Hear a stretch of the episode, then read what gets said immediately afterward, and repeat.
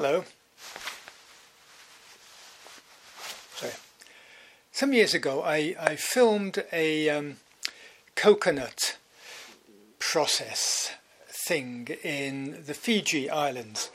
And um, along with the crew I worked with, there was a man from the Solomon Isles, also in the South Pacific, and he was enormously proud of his archipelago nation, made up of lots of tiny little islands.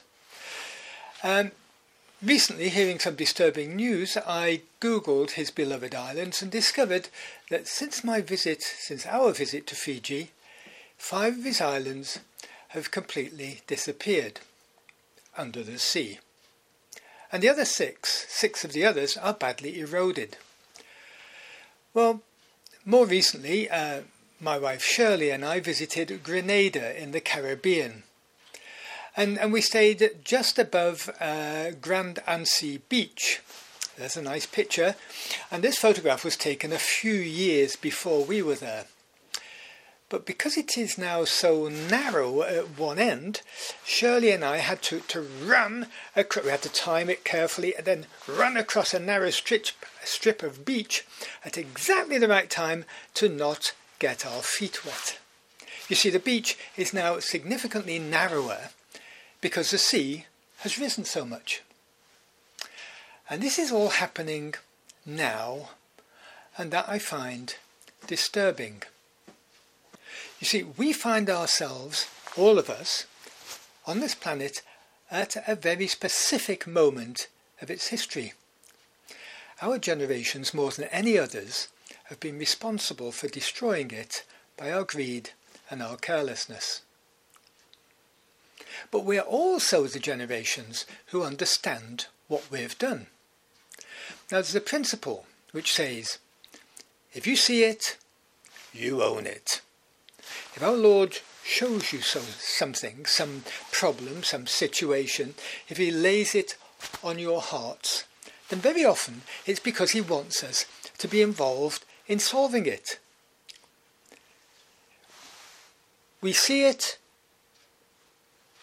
we're called upon to help fix it. Now, not everybody is called upon to fix the planet. Some of us have different callings.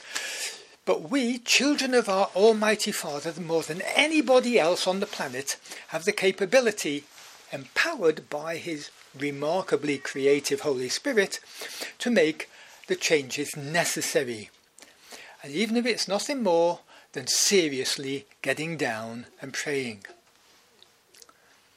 Now, I was brought up to believe that this world is not my home I'm just a passing through.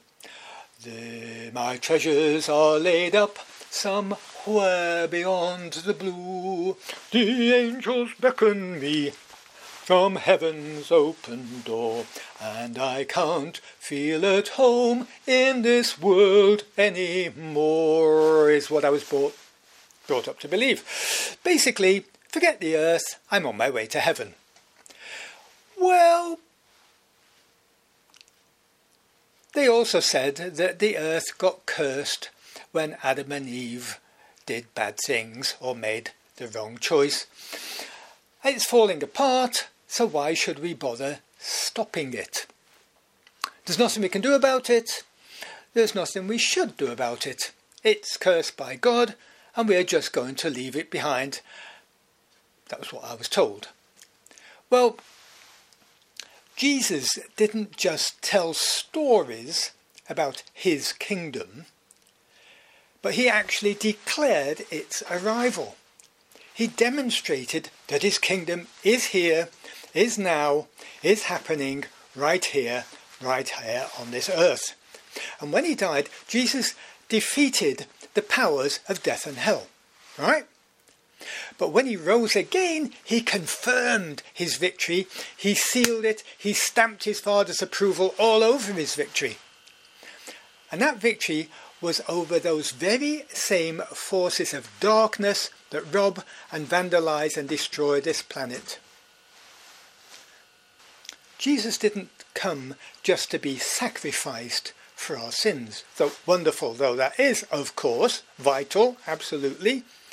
But he also broke through the spiritual barrier and he started to destroy the enemy's strangleholds on this earth. And we're his disciples, we're his followers, and we have a mandate to continue building his kingdom until he returns. And he will return. He will return to this planet, and we will return to this planet too, or at least a, a renovated version of it, most of us. So we'd better take good care of it. Now, this all may sound a bit too big, a bit too grand to grasp, too unattainable. Well, some time ago, I told you about a dream I have. But it still seems really, really far away.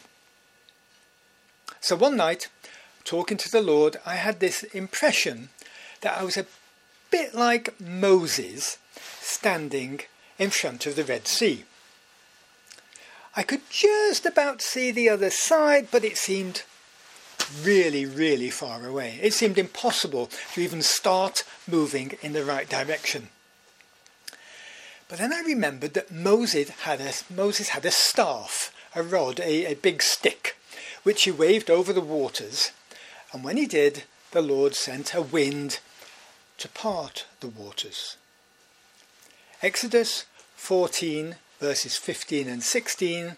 Look it up if you want, but it says, The Lord said to Moses, Why'd you cry out to me? Hello, duh.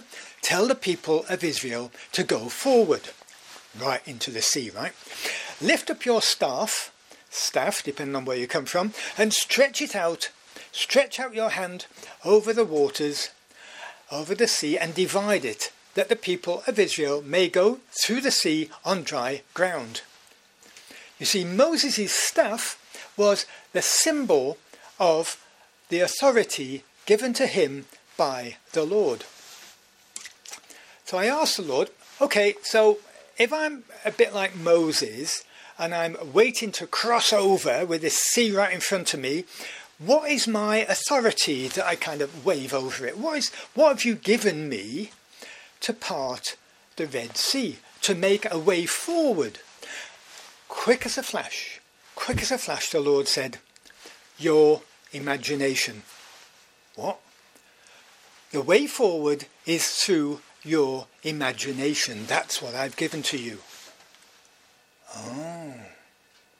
But the thing is, what do you have, right? Give me imagination. But the Lord's given all of us a whole range of really significant gifts. So the trick is to dream big. Figure out what your gifting is, what your authority is, and use it. Use it to reach the place He's put into your heart. We each need to discover what our dream is, what our vision is, and no matter how far away or impossible it is. How we can help, how we can contribute, how we can help save this planet, for instance, how we can bring comfort to the lonely, hurting friend, how we can bring light to people in darkness, how we can bring light to our own neighbourhood, whatever. Now, maybe you think that whatever it is that you have is too small, too insignificant. You've no big dreams. You've got nothing glamorous or spectacular to offer.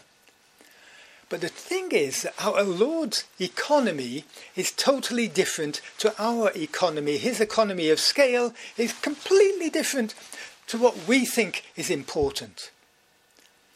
You see, the problem is that we often allow our expectations to be governed by what we feel to be our limitations.